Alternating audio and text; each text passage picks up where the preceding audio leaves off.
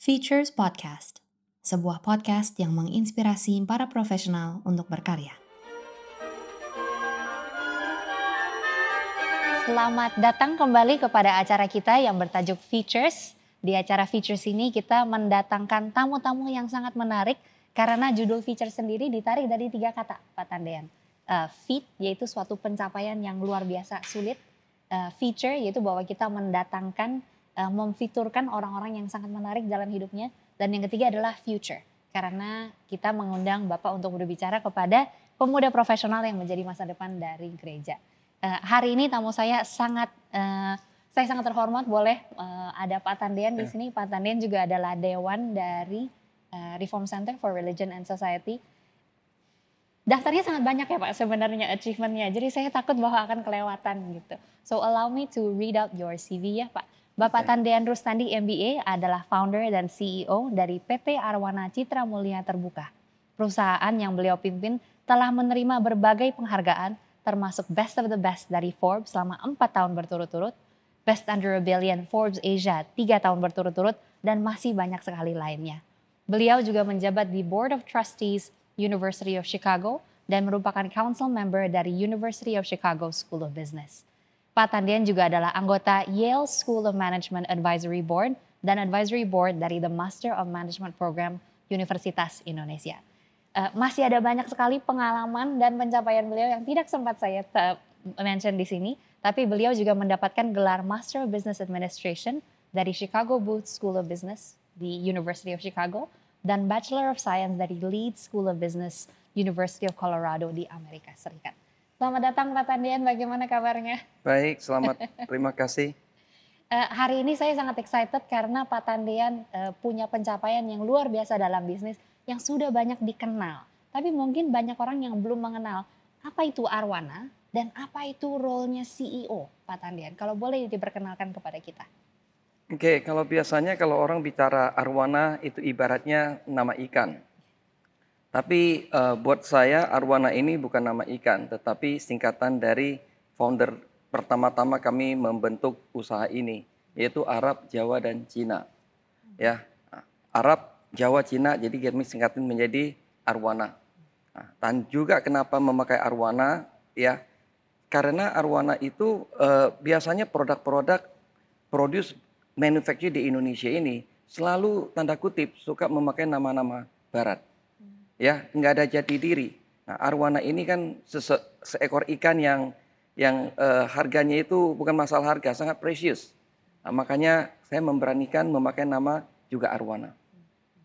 Kalau rule CEO, saya rasa uh, simple word ya adalah kita harus melayani. Ya, CEO itu bukan menjalankan usaha aja. Saya rasa semuanya itu mulai dengan kata melayani. Ya melayani nomor satu adalah how to build the human resources.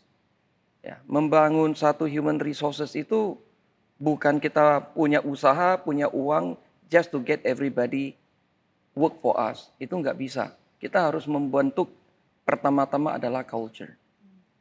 Ya kebudayaan. Nah, untuk membentuk kebudayaan itu kita harus memulai dan bentuk kita punya human resources. Seperti apa itu Pak? Apakah itu membangun uh, capability teknis, lalu membangun culture itu seperti apa uh, aktivitasnya sehari-hari Pak dalam posisi Anda sebagai CEO? Saya uh, terpanggil bukan uh, mengambil SDM-SDM yang berkualitas. Tanda kutip ya. Bukan berarti uh, SDM saya nggak berkualitas. Maksud saya adalah saya mengambil orang-orang yang pinggiran. Saya mengambil orang-orang yang uh, tidak terjangkau. Saya mengambil orang-orang yang uh, sama sekali tidak akan dipandang sama most of the corporate, big corporate ya. Jadi saya membentuk mereka itu betul-betul kita membentuk nomor satu ada bicara soal loyalitas. Karena saat ini uh, human resources itu kita yang punya uang selalu menganggap with the money kita can buy we can buy everything. That is not right. Ya kan manusia itu ciptaan Tuhan yang paling sempurna. Siapa pun mereka, mereka itu punya value. Nah, tetapi antara manusia dengan manusia kita lebih banyak melihat bahwa kita harus berhubungan yang terbaik. Nah, sedangkan Tuhan pelayanan Tuhan itu selalu turun dan turun dan turun dan turun. Gak ada pelayanan Tuhan yang naik. Nah, jadi waktu membentuk satu usaha ini, komitmen saya adalah bagaimana saya menjangkau orang-orang yang tidak pernah terjangkau. Dan itu lumayan beresiko gitu ya Pak ya. Itu sangat berterbalikan dengan cara pikir dunia saat ini. Bagaimana prakteknya Pak mengambil orang yang dari pinggiran kemudian membangunnya menjadi perusahaan yang terdepan? Mulai dari pertama dulu adalah uh, secara pribadi saya ingin punya usaha selalu saya bangun di tempat yang tidak terjangkau. Hmm. Bukan karena kita kembali lagi pakai kata uang, saya beli tanah di tempat-tempat yang baik. Saya enggak, saya masuk ke tempat-tempat yang saya yang build infrastrukturnya. Nah, dengan saya build the infrastructure, saya juga ambil orang-orang sekitar di sana. Nah, saya bisa ambil contoh misalnya, buat pabrik saya di di Indraraya itu kira-kira 40 km dari Palembang. 95% orang itu sekitar daerah di sana. Hmm. Ya, dan mereka punya mindset sangat uh, sulit ya untuk di, dibina awal-awal. Tetapi dengan kita hands on, saya seorang pemimpin yang saya tadi waktu mengatakan saya melayani, saya bukan melayani di kantor. Saya punya waktu most of my time aku habis di pelayanan ke orang-orang di bawah. Nah, dan membentuk mereka itu ya kita harus punya kasih. Karena kan juga di dalam Alkitab kan Tuhan mengatakan kita adalah domba di antara serigala. Nah, jadi membentuk usaha juga kita juga harus make use the majority. Who is the majority? Nah, orang-orang sekitar di sana ada. Bagaimana kita membuat mereka respect sama kita? Ya kita betul-betul harus punya kasih. Kasih itu yang yang yang nggak bisa nggak bisa dibuat-buat. Kasih itu harus tulus dan pengorbanannya. Hmm. Dari di situ mereka akan melihat, ya mereka akan melihat dan uh, setelah mereka mengerti uh, luar biasa saya merasakan kasihnya mereka kepada saya sangat luar biasa. Hmm. Wow, wow. Ada satu contoh yang sampai sekarang masih saya ingat. Waktu itu Pak Tandian pernah bercerita bahwa di pabrik keramik itu uh, lingkungannya selalu sangat luar biasa bersih. Dan satu lagi adalah bahwa ada taman di mana uh, karyawan bisa menumbuhkan makanan untuk mereka makan sendiri, begitu ya, ya Pak ya. Itu baru beberapa contoh pemikiran seperti apa yang mendorong uh, Anda sehingga memiliki fokus kepada hal-hal yang uh, ibaratnya sebegitu sederhana? Uh, dari kitab kejadian kan Tuhan menciptakan semuanya itu sempurna. Nah, kenapa kita ada kekurangan makan? Lalu kenapa kita merasakan banyak kekurangan di dalam kehidupan kita? Sedangkan Tuhan mencukupkan. Ya, Tuhan mencukupkan. Nah, makanya mindset saya, tagline saya di dalam hidup saya kan sangat ada tiga tagline. Nomor satu itu sederhana itu yang terbaik. Jadi apa pun yang saya ungkapkan di dalam organisasi saya, itu tagline nomor satu. Hmm. Sederhana itu yang terbaik. Tagline yang kedua adalah memanusiakan manusia, manusia dimanusiakan. Nah, pada waktu kita bicara sederhana itu yang terbaik. Waktu kita bikin usaha apa pun, kita pernah nggak memikirkan environmentnya? Gak ada. Yang dipikirkan is how to make money. Sedangkan di dalam penciptaan Tuhan yang paling awal, Tuhan tidak mengatakan kamu harus cari uang loh. Jaga loh. Menjaga dan melestarikan. Ya, jadi setiap hari berapa banyak oksigen yang kita hirup dan berapa, nah how to create the oxygen. Tuhan kasih kok gratis.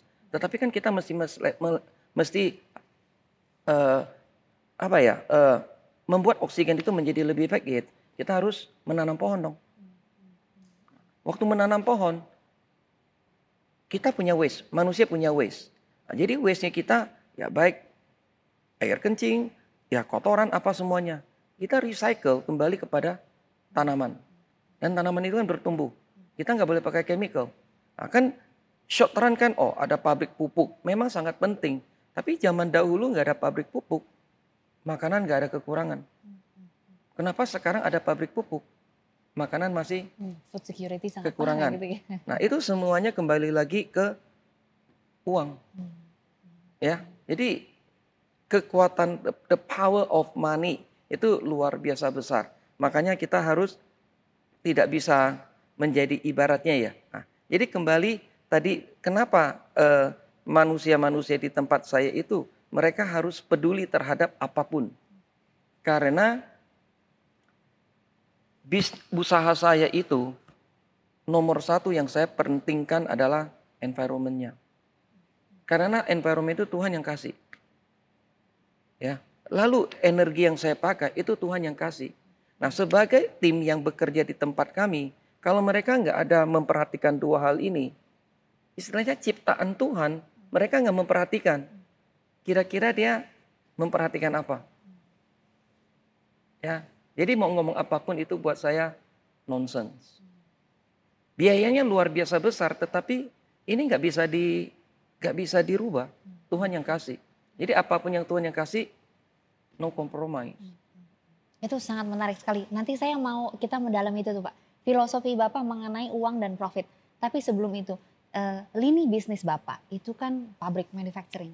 Itu domain di mana sangat sulit untuk menjaga kelestarian lingkungan, begitu ya. Lalu kalau secara makro, uh, uh, seperti apa Pak Bapak menjalankan pabrik-pabrik yang bisa mungkin dicontoh atau diperhatikan oleh perusahaan-perusahaan lain sehingga mereka juga lebih environmentally friendly? Saya rasa bukan masalah perusahaan dulu. Kalau kan konteks hari ini kan kita bicara di dalam lingkungan gereja.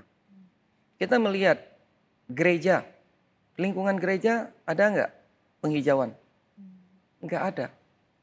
Jadi semuanya itu sebenarnya bukan mulai daripada korporasi. Harus mulai daripada gereja. Hamba Tuhan itu menyampaikan firman. Very powerful. Tetapi teori dan praktek sangat berbeda teori dan praktek sangat berbeda. Nah, apa yang harus kita lakukan sebenarnya bicara soal lingkungan. Waktu saya membangun apa, membangun pabrik, saya bukan perhatikan bangunannya dulu. Saya membangun dulu infrastruktur lingkungannya. Kenapa? Karena kalau lingkungannya sudah rapi, waktu bangun pabriknya pun mereka harus menjaga komitmen. Komitmen nomor satu adalah apa? Tidak boleh make tempat-tempat itu menjadi sangat uh, tidak tidak terkontrol. Hmm. Karena kalau waktu bangun pabrik itu kan ratusan orang, ratusan orang yang unorganized. How can you make them organized? Susah, oke? Okay? Bisa nggak kontrol mereka nggak merokok? Nggak bisa. Jadi mau mengontrol itu kita build everything really nice. Ini contoh di Singapura. Semuanya kan rapi, jadi gampang dikontrol. Nah, kenapa kita susah kontrol di Jakarta ini? Karena kita nggak membangun. Desainnya kurang purposeful begitu ya Pak? Ya. In the beginning, very high cost. In the beginning, very high cost. Cukup nggak? I think high cost is nothing.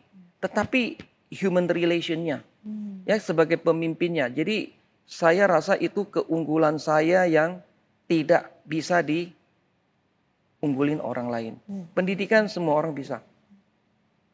Kerja keras semua orang bisa. Oke. Tetapi yang saya rasa keunggulan di dalam diri saya itu saya sangat uh, peduli ya terhadap human relationnya. Dan human relationnya itu yang mulai nah berikutnya adalah environmentnya. Nah environment itu kan bukan tanaman tok. Jadi apa pun yang Tuhan ciptakan, jadi waste daripada saya punya gas yang dikeluarkan pun itu semuanya juga harus diperhatikan. Hmm. Nah buktinya bagaimana kita memperhatikan ada nggak burung di tempat saya? Hmm. Ya, ada nggak burung di tempat saya? Nah air ada nggak ikan hidup di kolam saya? Itu benchmarknya. Nah, lalu berikutnya lagi adalah apa? Tingkat kesehatan daripada setiap karyawan. Kita bisa kan data. I'm a very data driven. Kita mesti lihat statistik setahun satu orang itu sakit berapa jam? Eh, berapa hari? Oke, okay? nah, jadi dari di situ itu yang kita jadi benchmarknya. Itu sangat menarik Pak, apalagi dalam konteks COVID yang baru eh, eh, saat ini sepertinya akan kita lalui begitu ya Pak hmm. ya. Uh, what has been the challenge of COVID bagi bisnis Bapak dan bagi Bapak sendiri? Saya sangat bersyukur, luar biasa bersyukur ada pandemik COVID ini. Ya, saya look at because usaha saya saya sangat fokus kepada environment. Jadi pada waktu COVID kita lihat ya, semuanya jadi tenang. Semuanya jadi tenang. Tenang. Tenang. Oke? Nah, sebelumnya kalang kabut, hiruk pikuk, Hmm. kan very messy ke ko- kota ini, ya di mana pun gitu. Dengan masalah gini, semuanya jadi tenang. Nah, jadi tenang itu bukan di dalam lingkungan pabrik saya. Hmm. Pabrik saya dari awal sangat tenang, Oh, oke? tenang. Karena apa? We have to take care of everything. Nah, kemarin masalah COVID, banyak pimpinan-pimpinan itu escape, tanda kutip, cari ke tempat yang lebih aman. Kenapa? Ya memang di kita nggak bisa mem- memungkiri bahwa memang kualitas daripada eh, apa eh, rumah sakit kita ini menangani COVID itu kurang baik. Nah, makanya yang punya power uang mereka ke tempat-tempat yang merasa lebih safe. Saya nggak merasa di Indonesia ini nggak aman. Justru saya tidak pernah at home. Saya keliling-keliling terus ya dengan mobil. Dengan begitu saya bisa belajar luar biasa banyak justru mengenal lagi ya pada waktu COVID. Tim saya dari awal kami belum ada antigen, kita udah lakukan rapid. Nah, saya tanya, yang menjual alat-alat ini tanda kutip jahatnya luar biasa. Berapa besar keuntungan mereka? Take the opportunity loh. Take the opportunity loh. Mer- ya ini. Lalu kedua, setelah ada apa rapid test, dulu mahalnya luar biasa. Antigen berapa? Sekali satu juta kan? Sekali satu juta. Orang kami rutin. Lalu waktu beli alat, tiap orang harus, tiap minggu. Nggak tahu berapa miliar di Nah, tetapi orang saya kan semuanya feel safe. Kita nggak ada khawatir, ya. Kita nggak ada khawatir. Kita mempersiapkan mereka itu semuanya vitamin-vitamin semua orang di dalam pabrik. Nggak boleh kata tidak ada, ya. Dengan kita memperhatikan timnya kita, mereka tuh bekerja tanpa kekhawatiran. Dan justru selama dua tahun pandemik ini, bisnis saya bertumbuh tidak pernah bertumbuh before the pandem apa pre-pandemic. Justru jauh lebih pesat begitu ya. Jauh lebih pesat. Jauh. Oke? Kondisi pasar sangat sulit. Pembangunan semuanya sulit. Nah, itu yang kembali lagi bicara human relation. Saya build up my network. Ya, itu bukan sebagai seorang pemimpin yang duduk tinggal perintah. Enggak, I build more than 30,000 outlet. Oke. Nah, di antara 30,000 outlet itu, semua outlet ini juga kita memperhatikan kesehatan mereka. Hmm. Kasih obat, kasih vitamin semuanya. Jadi tim yang dia bekerja juga nggak ada rasa kekhawatiran.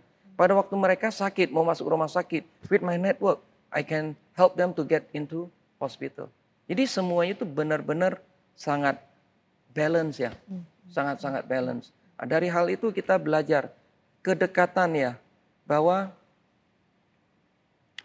manusia, nilai manusia itu nggak bisa dikompromi, Hmm.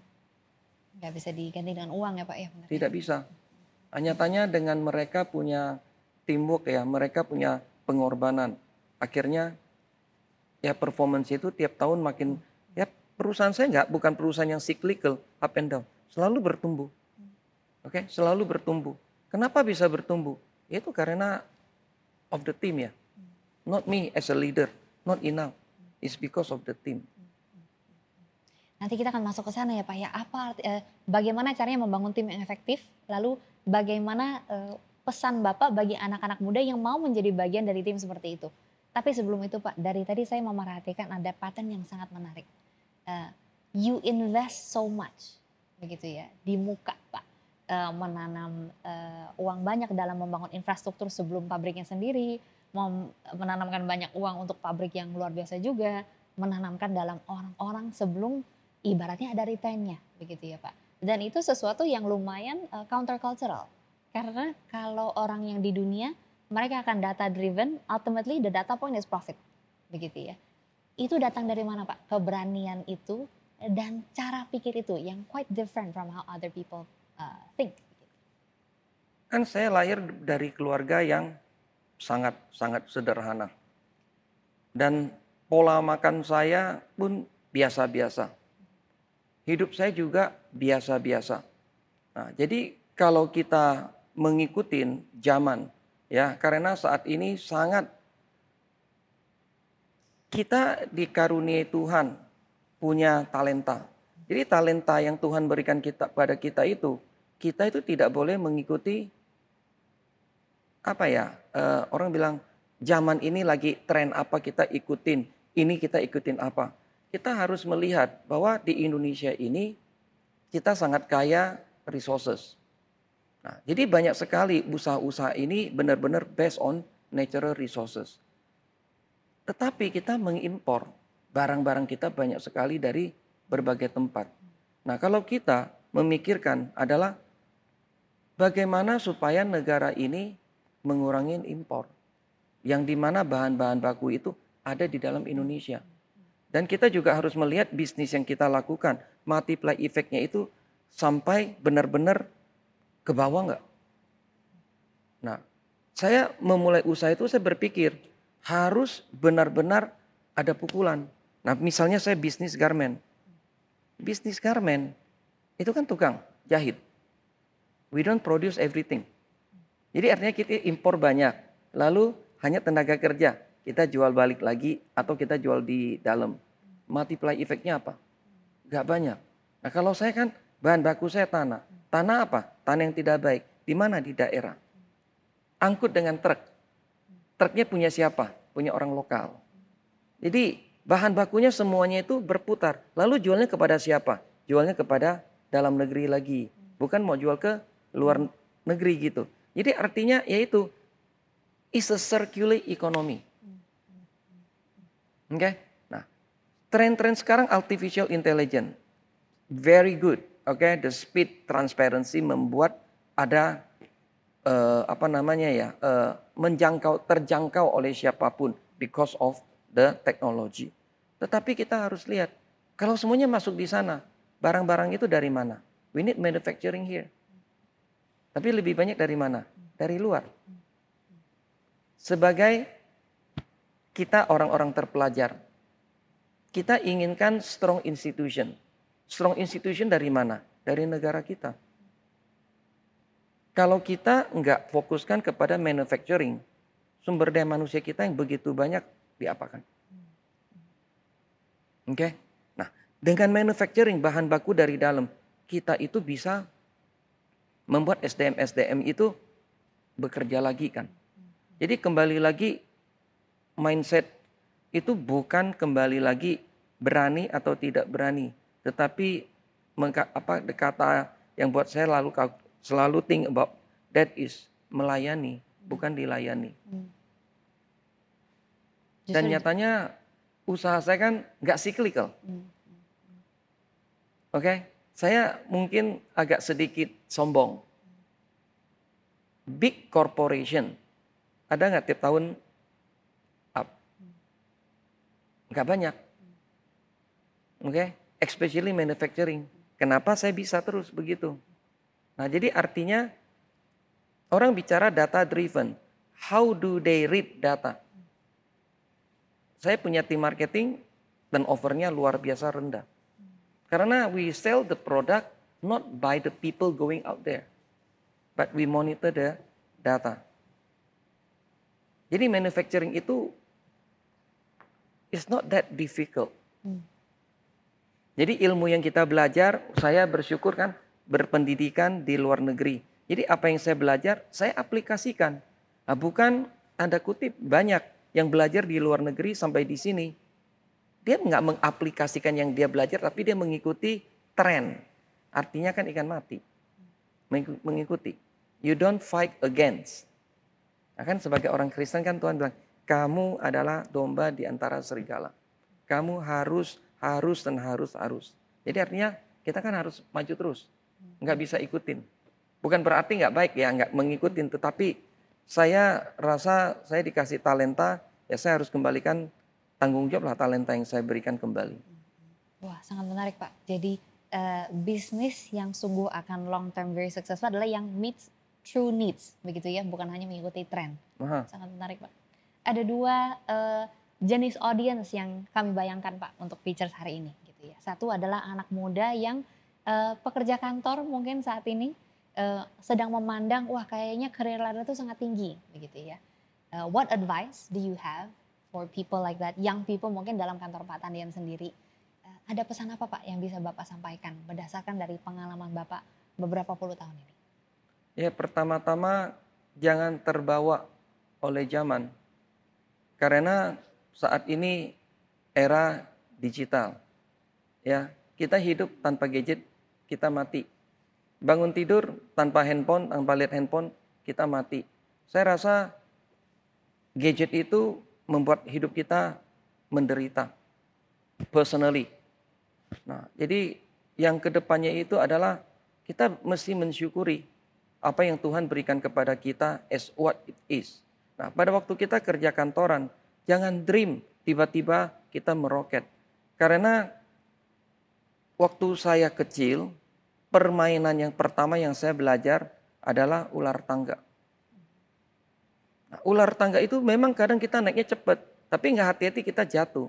Tapi my advice is saya rasa apa pun yang kita kerjakan, we have to do it dengan ketulusan. Kita mesti lakukan apa pun, mesti dengan ada joy di dalam. Ya, jangan kejar sesuatu yang beyond. Karena waktu saya pulang kuliah, gaji saya cuma 150 ribu. Dan saya nggak pernah berpikiran saya harus super kaya. Saya kerja step by step. Hari ini pabrik saya salah satu yang terbesar di Indonesia, bukan terbesar, terbaik di Indonesia. Bukan terbaik di Indonesia tuh, terbaik di dunia. Jadi tadi bilang ter, ter, ter. Mulainya dari mana? Step by step. Dan saya nggak ada ambisi mau menjadi besar. Sama sekali nggak ada ambisi menjadi besar. Besar itu tong kosong, tapi kita lebih baik kecil tetapi solid. Like Singapore, like Swiss. Negara kecil tetapi ratingnya very high.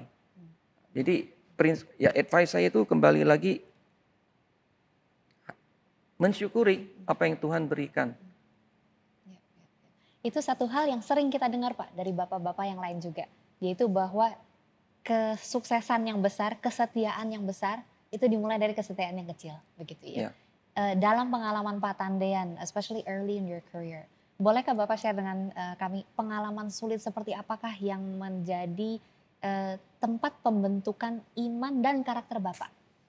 Apakah ada contoh mungkin pengalaman yang boleh dibagikan? Saya lahir dari keluarga sangat biasa-biasa. Nah, jadi di dalam kehidupan saya, saya banyak ditekankan. Ya, dari saudara-saudara, sepupu semuanya. Karena eh, ya pembentukan diri saya itu luar biasa keras. But I never give up. Ya, I never give up. Nah, jadi waktu mulai usaha, juga saya nggak berpikiran saya harus menjadi apa-apa. Dan saya tahu saya nggak bisa memulai sesuatu karena aku nggak punya modal. Modal capital. Jadi saya harus menjadi profesional. Nah, itu waktu di profesional itu yang saya belajar adalah saya sekolah tapi dibayar. Saya sekolah belajar loh tapi dibayar. Waktu saya salah pun saya masih dibayar. Nah itu pembentukan yang saya mensyukuri bagaimana waktu saya masuk ke korporasi begitu begitu benar-benar mismanage corruptionnya at all kind level dari bawah sampai atas. Nah saya coba clean up. Pada waktu saya clean up saya dimusuhin, saya di, sampai sampai ada apa berantem begitu, ya keras ya. Tetapi saya nggak menganggap bahwa itu bukan perusahaan saya sampai saya dipukul pun saya takut. Saya enggak. Kenapa? Itu tanggung jawab yang diberikan kepada saya. I don't care whether my boss corrupt or not. Ya, tapi this is my job. I need to clean it up. I really do it dengan banyak pengorbanan. Dan this is something that I learn. Makanya dengan belajar di tempat yang sangat kacau dan dibayar, saya belajar untuk membangun sesuatu dengan transparansi Salah satu pertanyaan juga Pak yang muncul dalam benak saya. Selain Pak Tandian tentunya ada banyak sekali orang yang sukses di Indonesia dan di luar negeri. Banyak dari mereka bukan orang Kristen Pak, bukan orang beriman begitu ya. Lalu apa yang dalam pikiran Pak Tandian membedakan antara kesuksesan Anda, kesuksesan para pebisnis Kristen dengan yang tidak Kristen Pak? Saya pe- pernah, bukan pernah, saya sebagai salah satu narasumber, Milton Friedman pernah menulis satu artikel yang luar biasa bagus. 1970 di New York Times tentang corporate social responsibility. Perusahaan-perusahaan besar, mereka melakukannya itu karena mengikuti aturan. Saya melakukannya itu karena saya mempunyai iman. Iman apa? Bahwa saya from nothing karena anugerah Tuhan memberikan saya kesempatan saya sampai bisa sedemikian. Nah, tadi pertanyaannya saya saya coba make the link. Big corporation mereka suksesnya luar biasa. Tapi value terhadap human resources hampir nggak ada. Karena semuanya berhubungan dengan digital, not the human relation. Oke, dan kita juga bisa menilai pertumbuhan daripada bisnis digital itu sangat tergantung kepada pemerintah. Kalau pemerintah titik satu tombol enggak, bisnis itu akan hilang. But we have to run a business that kita bisa eh, laku bisa lewatin berbagai weather. Nah, dengan kita lakukan berbagai hal itu, kita sebagai orang Kristen lagi yang membedakan adalah kita jangan didorong bahwa harus pertumbuhannya begitu cepat. Karena di dalam apa eh, kitab pengkhotbah segala sesuatu itu ada waktunya. Jadi kita jangan melihat saya apa beda sama eh, tadi pertanyaan Rachel yang di kantoran umur 25-an mereka lihat keluar. Dan saya sebagai pengusaha saya lihat orang yang bertumbuhnya seperti apa. Kenapa saya nggak mengikutin? Kita nggak boleh. Karena di dalam Alkitab itu ada segala sesuatu ada waktunya. Seperti yang kita ketahui Pak, perjalanan pengusaha profesional itu tidak pernah lepas dari masalah dan tantangan ya Pak ya. Ada dua jenis. Satu masalah yang uh, bukan dari kita sendiri begitu ya Pak, baik itu bencana, kesulitan bisnis, bagaimana menghadapi sebagai orang Kristen atau non Kristen. Dan yang kedua masalah di mana uh, mungkin kita uh, dicobai juga Pak gitu ya, baik itu korupsi, penyalahgunaan. Dalam dua situasi ini Pak, mungkin satu persatu kita cover. Bagaimana sikap Pak Tandean dan apa yang menjadi your advice bagi teman-teman kita? Usaha apa pun pasti ada masalah. Jadi saya rasa challenge-nya saya yang terbesar adalah krisis Asian financial crisis 97-98. Saya kan baru memulai usaha saya 93. Ya, jadi 95 sudah mulai production, lalu kita performance-nya baik, kita menambah pabrik baru. Ya. Pas menambah 97 kan Asian financial crisis. Saya belajar Kak, yang pertama-tama yang saya belajar tentang bisnis. Boleh mengatakan saya tidak boleh serakah. Oke, okay? grip. Saya membuktikan walaupun partner saya marahin saya habis-habisan, habis-habisan because I'm a minority shareholder. Apa yang dia tegur saya habis-habisan adalah kenapa pinjamannya kita tidak didolarkan yang bunganya kecil. Kenapa dengan pinjam sama rupiah?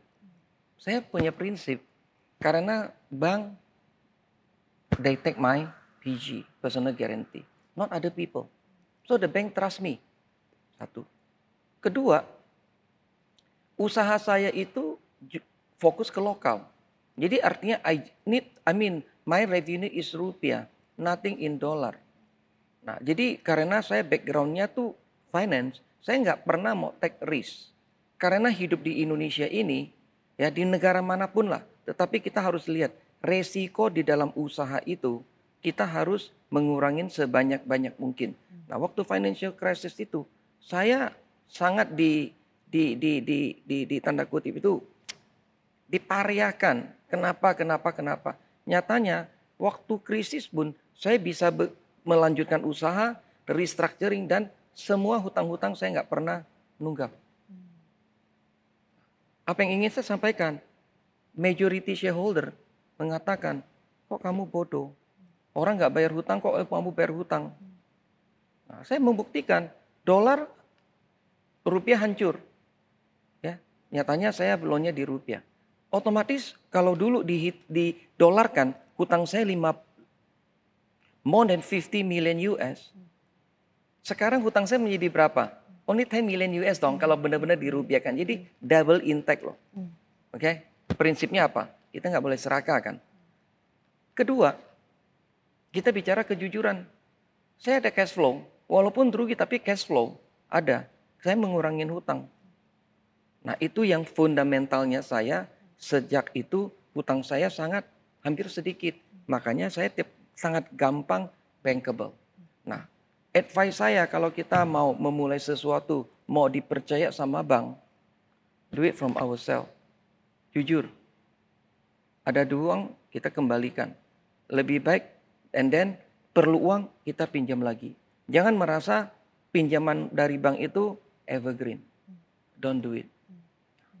Lalu kita itu kan bicara eksternal. Bicara internal.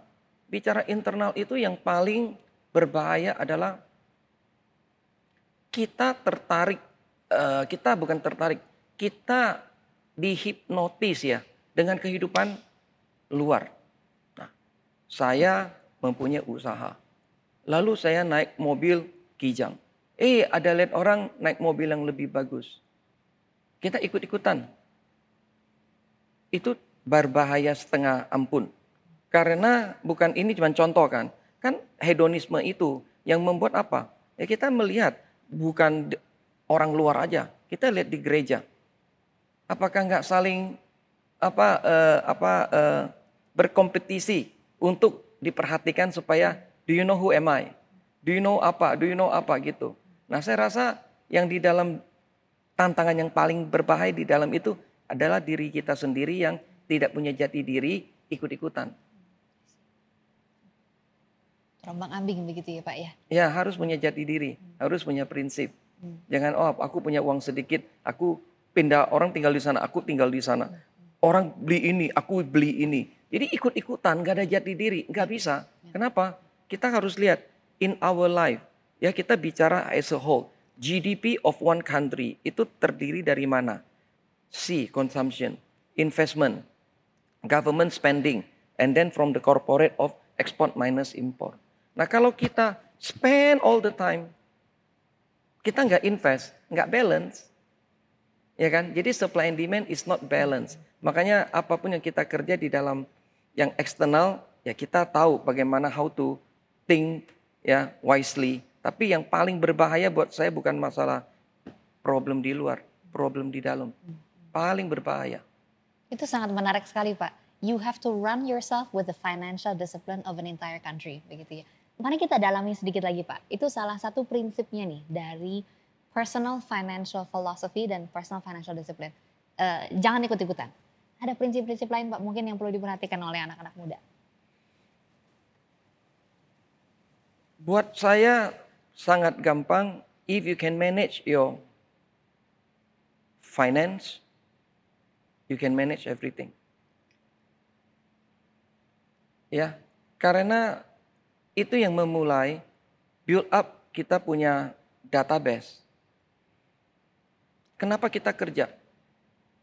Untuk mendapatkan uang. Setelah mendapatkan uang, mau apa? Mau lakukan apa? Nah, tapi kalau kita kerja, uang itu kita tabung terus-terusan, itu kan nggak stimulate ekonomi. Tapi kalau uang yang kita kerja, kita overspend, jadi kita kerja nanti tertarik loh karena hutang-hutang. Kan mesti balance. Nah, jadi waktu kita kuliah atau sekolah, kita dapat nilai bagus, ada reward. Kalau dapat nilai jelek, kita nggak bagus. Nah, ini sama juga in our life, have to be balanced. Ya, semuanya mulai karena apa? Yang ciptaan manusia yang paling paling paling paling apa? Paling tanda kutip itu yang paling membahayakan ya, itu adalah uang. Di- Kita harus menguasai uang, bukan dikuasai oleh uang. Ya, Ya, ini that is the advice to the young generation. Yes. Nah itu sekali lagi Pak, mari kita dalami apa bedanya manajemen finansial efektif orang dunia pada umumnya dan manajemen finansial efektif orang Kristen. Apakah berbeda? Bagaimana caranya? Saya rasa orang yang membedakan kita sebagai orang Kristen bicara soal managing uang, ya sama orang luar, eh, itu sangat individual ya, sangat individual. Jadi kita nggak bisa mengatakan orang Kristen lebih baik atau enggak Hmm. sama sekali. Sebagai orang Kristen, berapapun pendapatan kita, kita melakukan perpuluhan enggak? Orang luar kan belum tentu. Hmm. Bahkan orang Kristen aja belum tentu. Hmm. Oke. Kedua, berapa besar kebutuhan hidup kita? Sisa daripada yang kita dapat, berani nggak kita membagikan kembali?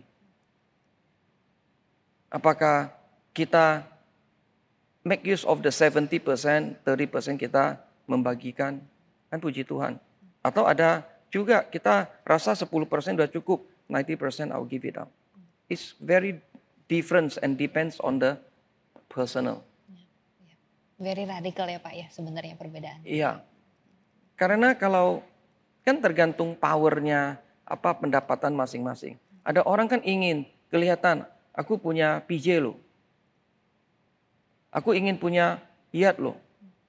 Nggak salah gitu. Tetapi ya kembali lagi prinsip Tuhan. Kamu adalah domba di antara serigala. Kalau kamu punya PJ, kamu lihat orang nggak? Enggak, kamu apa-apa sendiri. Ya, memang everything is very good ya. Wah, time-nya sangat baik semuanya apa-apa. Ya kembali lagi, apa sulitnya kalau kita bangun lebih pagi kita take the the first flight. Kita masuk airport kita bisa liatin loh kesulitan siapa pun. Lalu we see the real world. Oke, jadi kembali lagi ah, personal. Aku merasakan kita sebagai manusia harus injak kaki di bumi. Dipanggil untuk bukan of the world tapi in the world ya Pak ya. Ya, Iya, iya, iya. Very good. Itu salah satu yang juga sangat menarik, Pak. Sebagai pengusaha, eh, Bapak juga sudah banyak makan asam garam begitu ya, Pak. Pasti ada banyak eh, temptation untuk kompromi, Pak, dalam berbagai hal. Karena ada banyak sekali prinsip yang mau dijaga. Eh, apakah Bapak boleh membagikan pengalaman dan eh, sikap Bapak dalam menghadapi that temptation to compromise? jujur saya sampai hari ini usaha. Ya, kesel ada. Oke. Eh, saya kan dari awal memulai usaha kan saya ada visi. Jadi visi itu yang saya aplikasikan di dalam dari hari pertama sampai dengan hari ini. Nah, visi saya yang yang yang yang yang ketiga, poin ketiga adalah bagaimana memberikan kontribusi yang berarti bagi bangsa dan negara. Itu I started 29 years ago. Sebelum usaha udah punya visi begitu. Makanya dengan segala transparansi dan saya sampaikan bagaimana saya membangun usaha di tempat-tempat yang undeveloped kan. Bagaimana saya membangun human resources dari orang-orang pinggiran. Jadi dengan melakukan ah, lalu bagaimana saya distribute saya punya barang bukan ke toko-toko besar. Ya, jadi saya menjual kepada orang-orang kecil-kecilan kayak begitu. Nah, temptation-nya otomatis sudah tertutup, Hmm, menarik ya. tertutup. Hmm. Karena you fokus untuk how to develop. Nah, jadi umpamanya sekarang Rachel adalah preman. Hmm. Dari preman menjadi orang baik. Hmm. Ada orang gangguin kita nggak? Nggak ada loh. Lalu yang preman punya anak, dia bisa kuliah sekolahan top. Ya, maksudnya di dalam negeri sekolahan top. Bisa masuk ke Akmil. Eh, sukacitanya tuh luar biasa. Kita lihat membersihkan tempat ibadah, membangun tempat ibadah. Jadi kita memberikan contoh bahwa tempat ibadah itu tempat harus lebih baik daripada rumah kita. Nah buat mereka itu ya ini value-value ini kita bangun dan kan banyak juga yang yang yang yang mereka melihat mau mengganggu kita otomatis nggak mengganggu kita. Saya rasa uh, eliminasi dari apa yang Tuhan menyampaikan kan kasih. Di industri saya karyawan awal-awal mula mogok ada, tetapi since 2000 sudah 20-an tahun lebih pernah mogok enggak? Enggak. Kenapa gaji mereka lebih daripada 15 bulan gaji minimal? Dan bukan UMR. Kalau kita sebagai tadi yang saya mengatakan perbedaan orang luar sama dalam sebenarnya enggak ada apa perbedaan orang non Kristen sama Kristen sebenarnya enggak orang Kristen banyak kok tanda kutip jahat menjalankan usaha ya jadi menjalankan usaha kita nggak bisa bicara Kristen or non-Kristen, but kembali ke personal, corporate value, corporate culture-nya. Ya, yaitu kita menganggap timnya kita itu layak nggak dihargai. Sedangkan kita nobody. Tuhan menghargai kita luar biasa. Masa sesama manusia kita nggak menghargai? Nah itu, that is the a very simple thing. Hmm. Very simple tapi very profound ya Pak. Kita tidak mencemaskan uh, kompromi atau enggak dalam hal kecil karena dari hal besar yang fondasi pun sudah dibangun dengan baik begitu ya Pak. Yeah. That's amazing. Thank you so much. Salah satu hal yang saya perhatikan dari bionya Pak Tandian, setengah adalah mengenai bisnis, setengahnya adalah seat Bapak di advisory board di sekolah-sekolah di luar negeri, begitu ya. Sekolah-sekolah yang juga sangat ternama dan banyak dipandang oleh orang. Pengalaman Pak Tandian sejauh ini dengan sudah menimba ilmu dari luar negeri, dari dalam negeri, what is your advice bagi profesional muda yang sedang memikirkan uh, studi lebih lanjut atau sedang menimbang studi dalam dan luar negeri? Apa prinsip-prinsip dan pelajaran yang perlu diingat? Saya pertama-tama adalah bicara soal transparansi. Kalau sekolahan di dalam di sini, kalau bisa mempersulit, kenapa harus dipergampang? Itu pendidikan di dalam di sini. Jadi pendidikan di dalam di sini semua mencari keuntungan. Nah, beda pendidikan di luar negeri mereka nggak mencari keuntungan kan. Mereka benar-benar gali ilmu untuk memberi membagikan ilmu. Tapi kalau pendidikan di sini coba lihat private school semuanya. Pernah nggak disclose berapa keuntungan mereka? Nggak pernah. Dan semua milik siapa?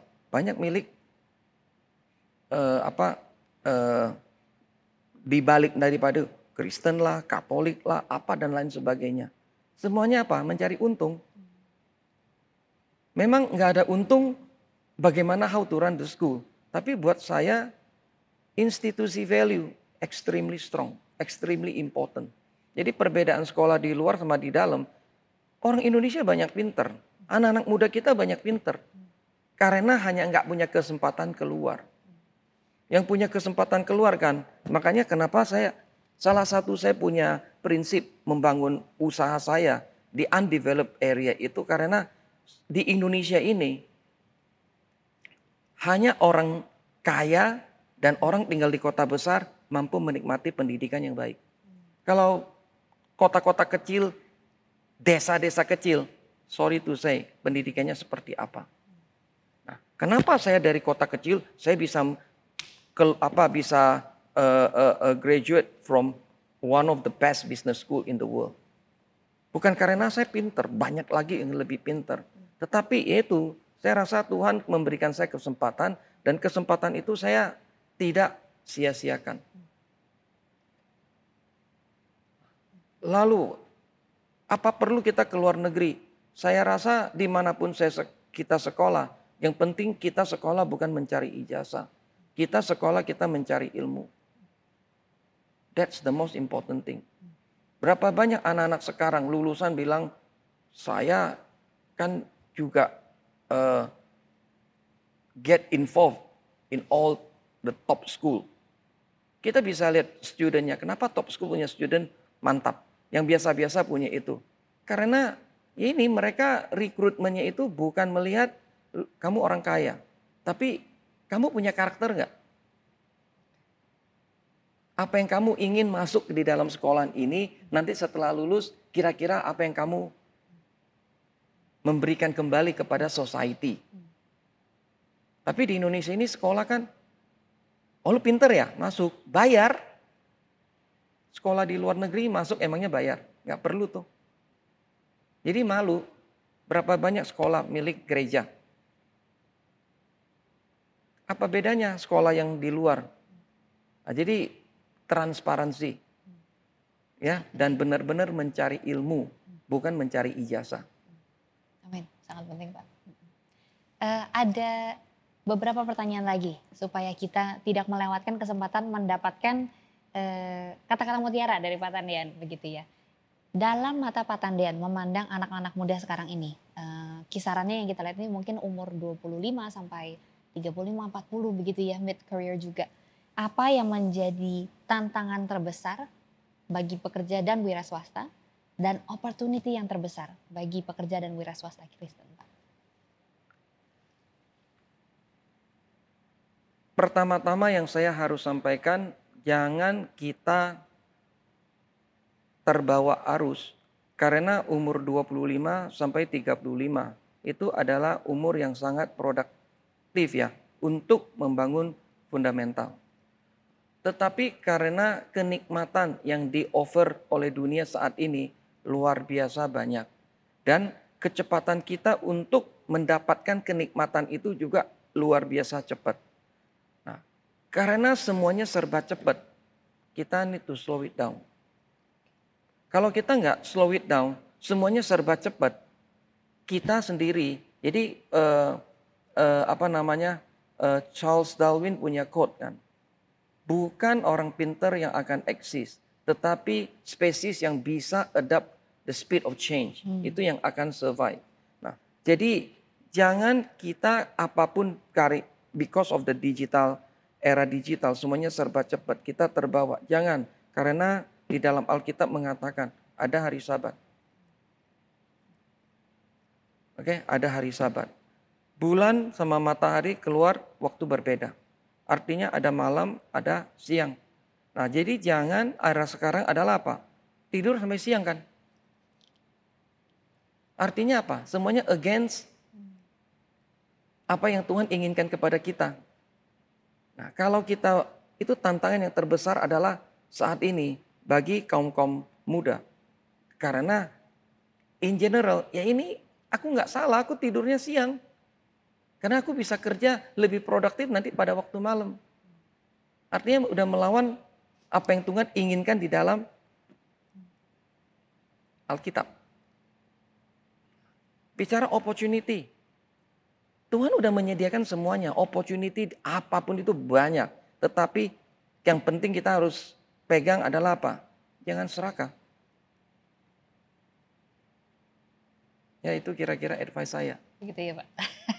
Terima kasih banyak Pak Tandean. Ya. Uh, kalau ada banyak waktu lagi sebenarnya ada banyak sekali yang masih mau kita tanyakan. Semoga di masa yang ke depan kita boleh mengundang Bapak kembali lagi. Terima kasih. Uh, sekian dari kami pada hari ini untuk acara Features. Sekali lagi terima kasih kepada tamu kami, Bapak Tandian Rustandi MBA. Terima kasih. Thank Rachel. you. Terima kasih sudah mendengarkan podcast Features ini. Sampai jumpa pada episode berikutnya.